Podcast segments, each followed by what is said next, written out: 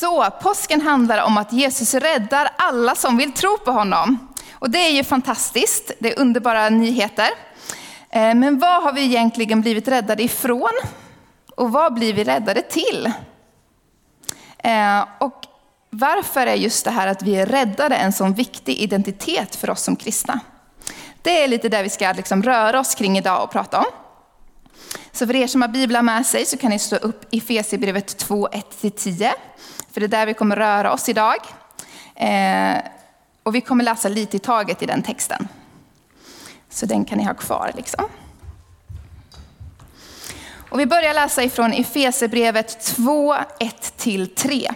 Där står det så här. Ni var döda genom era överträdelser och synder den gång ni levde i dem på denna tidens och världens vis och lät er ledas av förstens and, försten över luftens rike, över den andemakt som nu är verksam i olydnadens människor. Sådana var vi alla en gång, då vi följde våra mänskliga begär och handlade som kroppen och våra egna tankar ville. Och av födseln var vi vredens barn, vi som de andra. Okej, så det här är Paulus som skriver till Efesierna. Eh, och han försöker beskriva här i de här verserna det tillstånd man är i när, man, när inte Gud har räddat oss. Innan Jesus har kommit in i ens liv. Så. Eh, och det här är ett tillstånd som alla människor lever i innan Jesus kommer in i ens liv. Innan man tar emot Jesus. Så texten handlar mycket om vad är det vi räddas från. Så vad är det texten säger då? Jo, för det första så säger den att vi räddas från ett liv eh, av död. Och det kan ju låta lite konstigt för det är inte så att man är död bara för att man inte är kristen. Liksom. Eh, men det handlar ju om att, ehm, att om man inte tror på Jesus och sätter sin tillit till honom så har man en evig dom över sig. Det betyder att man är död för att man är på väg mot döden. Eh, det finns inget hopp om att leva för evigt. Det finns inget hopp om att undfly döden. Om du inte tar emot Jesus i ditt liv är du hopplöst förlorad. Inte för att Gud vill se dig död, utan för att vi som mänsklighet har valt att lämna Gud. Och utan Gud som är livets källa, som är den som, är, den som ger liv, så går vi mot döden. Och så texten säger att vi behöver räddas från den död som är oundviklig. Eh, och det gör att om vi dör här på jorden så får vi uppstå med Jesus när vi tar emot Jesus. Det andra texten säger är ju lite lurigt sådär äh, om man inte eh, känner sig så hemma i den kristna världsbilden. Så. Eh, men där säger texten att eh, när vi inte har tagit emot Jesus som räddare så är vi på ett eller annat sätt påverkade av andra andemakter som inte vill oss väl. Så denna text säger att utan Jesus så låter vi oss ledas utav försten över luftens rike. I det här fallet så är det connectat med, eh, med djävulen. Han är försten över luftens rike. Och i en kristen världsbild så är det ju så att vi tänker att det finns en andlig verklighet. Att det finns mer än vad vi kan se med blotta ögat. Så den här handlar om att om du inte tar emot, tar emot, Jesus, om du inte har Jesus i ditt liv, innan du har Jesus i ditt liv, så kommer du att, att påverkas av de här andekrafterna. De kommer att påverka dig även om du inte vill det. Eh, och det kommer att leda dig in i olika saker som är långt borta från Gud. Eh, det kan ju vara in i new age till exempel, eller det kan vara till en annan religion, eller det kan vara ett liv där du verkligen inte lever som Gud vill. För allt det leder dig bort ifrån Gud. Eller bara det här att ja, men jag tror ingenting, eh, att det finns något mer gudomligt än mig själv. Jag är min egen Gud. Den tanken är ju också någon slags form av eh, väldigt långt borta ifrån det Gud hade tänkt och där vi kan ledas in i det ibland av andemakter. För det tredje så säger den här texten att eh, innan man väljer att följa Jesus så säger Paulus här att då följer man sina egna mänskliga begär och man handlar som kroppen och ens egna tankar vill. Och det är ju helt naturligt. Liksom. Så här, vad ska man annars följa? Liksom? Eh, utan man följer ens egna tankar och så vill. Men i den här texten så syftar det till allt det vi gör som kanske inte ligger på Guds hjärta. Det där när vi följer våra begär och våra tankar, så, där vi gör onda saker, där vi gör saker som Gud har sagt inte är gott. Och vi kan ju vara ärliga och säga så här att vi alla har följt eh, våra mänskliga begär ibland och gjort saker som inte har varit gott. Eh, det kan vi ju liksom inte sticka under stolen med. Det kan ju handla om allt ifrån att man har sett på porr och varit med i liksom människohandelns grymma värld. Eh, eller att man har följt sin avundsjuka, man har följt sin maktlystnad, man har Eh, haft en önskan om att straffa någon och liksom ge igen lite grann sådär på jobbet kanske. Eh, att man har ljugit, att man har eh, snackat skit om människor. Att man har haft sex med någon som man inte älskar eller respekterar tillräckligt mycket för att gifta sig med den. Eh, ja, ni kan fylla på listan själv, ni har säkert en massa saker som ni kan fylla på med. Eh, jag vet att jag har det i alla fall. Och ni vet så här, alla har vi ju varit där. Alla är vi ju liksom en del av det där att göra saker ibland som bara inte är gott. Så. Så Paulus beskriver det här tillståndet där vi människor desperat behöver att bli räddade. Vi behöver bli räddade från ett visst tillstånd. Så han beskriver att det här är tillståndet innan du tar emot Jesu död på korset som en gåva. Vi är döda, vi leds av andra andemakter och vi kommer låta kroppens alla begär leda oss. Vilket oftast leder till kaos i våra liv. Och Paulus avslutar det här stycket med att säga att vi föddes som vredens barn, alla vi. Och det låter ju, alltså det hela texten är ju väldigt sad liksom. Man blir ju lite så här, ah. eh, Men eh, det handlar ju om att vi föddes in i mänsklighetens fallna tillstånd. Och att vi försöker vi försöker alla ta oss ut från det här liksom tillståndet, som vi, de här tre tillstånden som vi lever i. Men vi kan inte kämpa oss ifrån det och vi kan inte rädda oss själva. Eh, och det Bibeln säger att i grunden är du hopplöst förlorad i de här tre tillstånden eh, om du inte tar emot Jesus som din Herre och Frälsare. Men så kommer den här texten då, och så fortsätter vi läsa i Efesierbrevet 2, 4-7. Men Gud som är rik på barmhärtighet har älskat oss med så stor kärlek. Jag älskar den eh, lilla meningen. Vi läser den igen. Lyssna. Men Gud som är rik på barmhärtighet har älskat oss med så stor kärlek. Att fast vi var döda genom våra överträdelser har han gjort oss levande tillsammans med Kristus. Av nåd är ni frälsta och uppväckt oss med honom och gett oss en plats i himlen genom Kristus Jesus. Därmed ville han för kommande tider visa den överväldigande rika nåden i sin godhet mot oss genom Kristus Jesus. Så här kommer Paulus och så säger han, men när ni tar emot Jesus, då blir ni levande. Då går ni från det här tillståndet av död till ett tillstånd av att vara levande. Ni är på väg mot någonting annat. Ni är inte på väg mot döden längre. Ni är på väg mot ett evigt liv. Och så står det att vi uppväcks med Jesus. Och det är precis det som händer i dopet. Vi dör tillsammans med Kristus och vi uppväcks med honom. Det är ju en bild för det också som ska komma, att vi kommer uppväckas eh, tillsammans med Jesus. Och det innebär att vi får en plats i himmelriket, vi är på väg mot det eviga livet. Jesus har vunnit seger över döden och vi får ta del av den uppståndelsen och segern. Och det är någonting som vi är räddade till. Så vi är räddade från döden och vi är räddade till ett evigt liv. I Johannes 3, 16-17 så står det så här.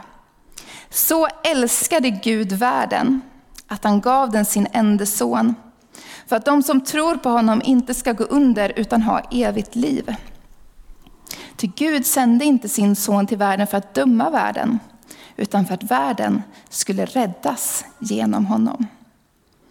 Och det här säger ungefär samma sak, men det säger att Gud som älskar oss så mycket, Eh, så han som har skapat oss, han som eh, ser varje människa, som kan räkna varje hårstrå på ditt huvud. Eh, han som känner dig mycket bättre än vad du känner dig själv. Han älskar oss så mycket att han ville rädda oss från den död som vi annars var på väg in i. Men det Gud också vill göra är att rädda oss in i ett liv av frihet. Men sann frihet är ju inte alltid det vi tänker oss. Jag vet inte hur ni tänker, men jag har ju lätt att tänka att sann frihet är liksom när jag får göra vad jag vill, när jag vill, hur jag vill det utan att någon annan lägger sig i. Det är liksom frihet. Liksom. Men Bibeln säger faktiskt att du inte kan vara fri utan att lära känna Jesus. Jesus säger att han är vägen, sanningen och livet. Han är sanningen. Det är honom vi behöver lära känna för att bli fria. I Johannes 8.32 så står det, ni ska lära känna sanningen och sanningen ska göra er fria. Jesus är sanningen vi behöver lära känna för att vi ska kunna bli fria.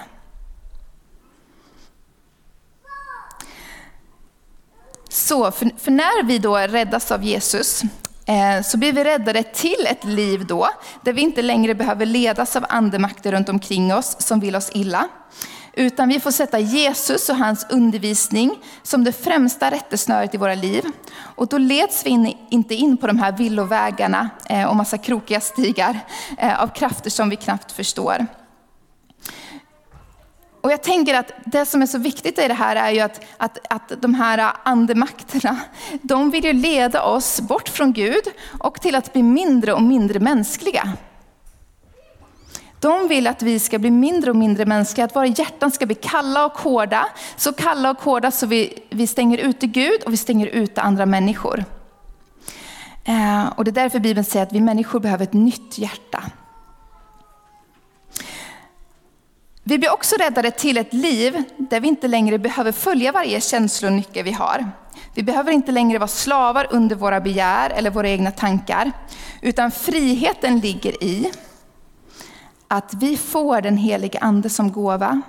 Och helige ande hjälper oss att ledas av det Gud har sagt är gott.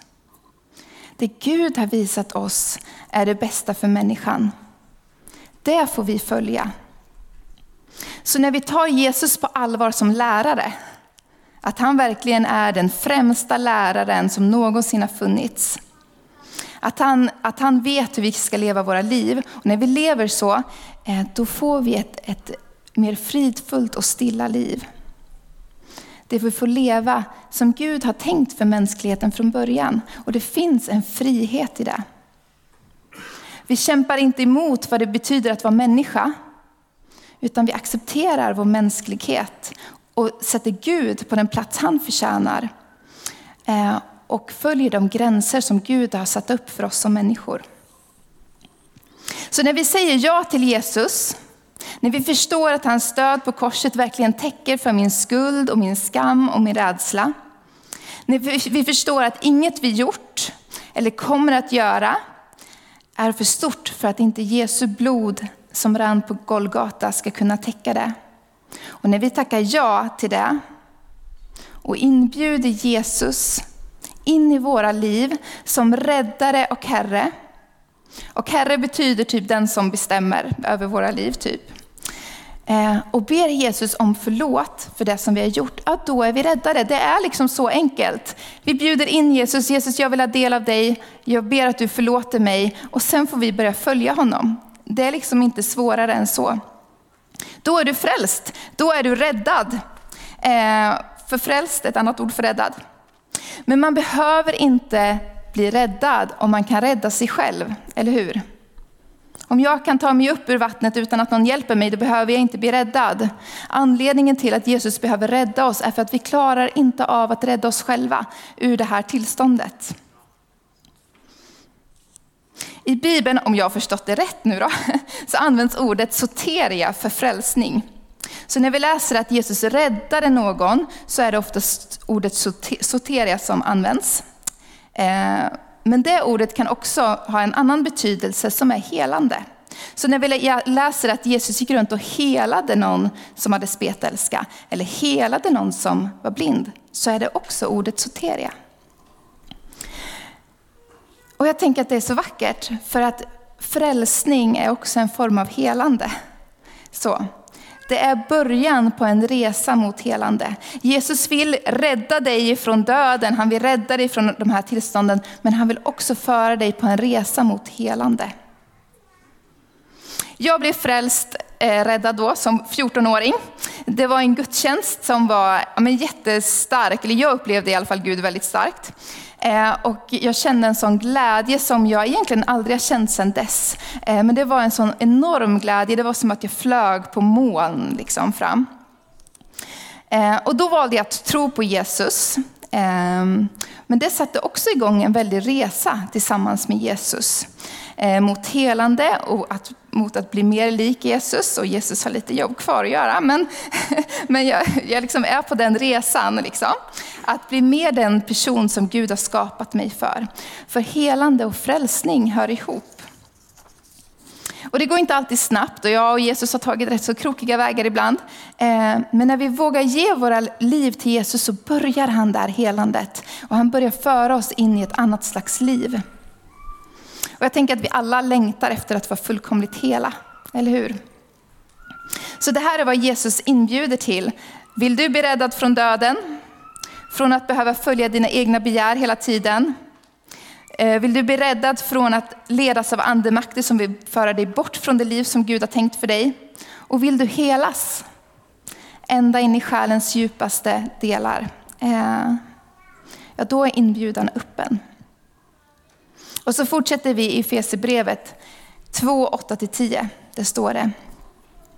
Ty av nåd är ni frälsta genom tron, inte av er själva, Guds gåva är det. Det beror inte på gärningar. Ingen ska kunna berömma sig. Vi är hans verk, skapade genom Kristus Jesus till att göra de goda gärningar som Gud från början har bestämt oss till. När Paulus i Efesierbrevet använder orden av nåd är ni frälsta, så betyder det att ingen kan förtjäna att Gud räddar oss. Det är bara en gåva. Det är bara en gåva. Och för dig som inte är kristen, som inte har valt att ge ditt liv till Jesus, så betyder detta att inget står i vägen för dig för att du ska kunna ta emot Jesus i ditt liv. Det finns inget som du har gjort eller kommer att göra, ingen skit som du brottas med som är för stor för att inte Jesus skulle kunna ta det eh, på sitt kors. Ehm, det finns ingenting som hindrar dig att komma till Jesus och ta emot hans frälsning. Han står med en öppen hand. Han har liksom dött på korset eh, för din skull. Han har uppstått för din skull. Eh, och han är beredd att dra dig ut ur djupa vatten om du vill tacka ja. Och vi har lite lätt att tänka, tror jag, att vi ska fixa våra liv först. Ja, men jag ska fixa till mitt liv och sen kommer jag till Jesus. Liksom. Eller liksom, ja, men jag känner inte att jag är riktigt värdig just nu att gå inför Gud. Men det finns inget sånt. Det finns inget som gör att vi förtjänar att bli räddade.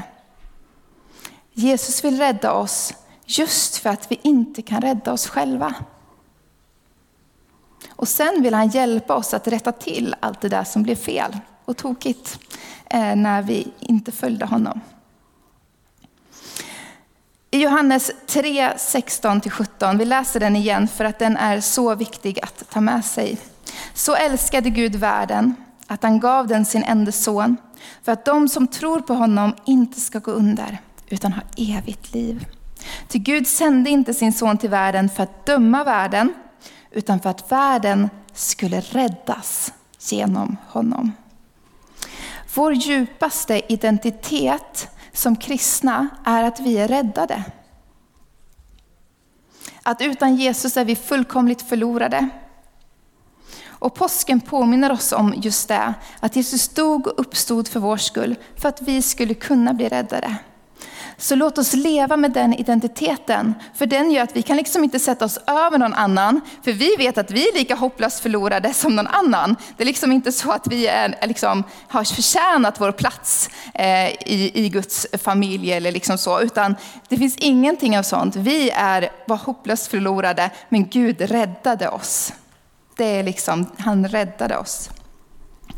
Nu kommer vi snart att öppna upp böneplatser här inne. Så man kan gå och be på lite olika sätt. Och du är välkommen att röra dig runt i lokalen och göra det.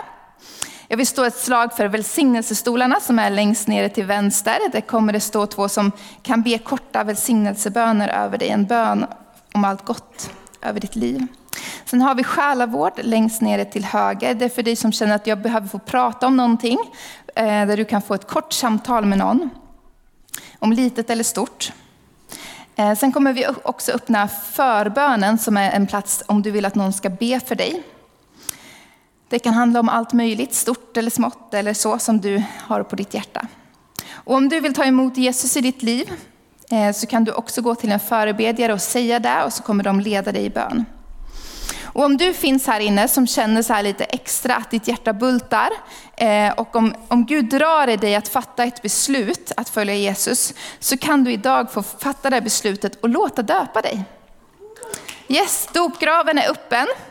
Eh, så om du vill säga ja till Jesus och låta döpa dig idag som ett tecken på att eh, du vill ha Jesus som Herre i ditt liv så är du välkommen att göra det. Då kan du komma fram till mig här framme och så kan vi då, liksom, låta döpa dig. Och, och, nu tänker några så här, handdukar, eh, ombyte. Vi har fixat det. Visst är det bra? Så att det, liksom eh, är, det finns möjlighet att döpa sig om man vill det. Eh, nu så ber vi och så ska vi lovsjunga tillsammans. Herre Jesus, tack för att eh, du är god och du är stor. Tack för att vi får bara lägga vårt liv i dina händer Gud. Eh, vi ber om att eh, Ehm, vi ska få leva i identiteten av att vara räddade.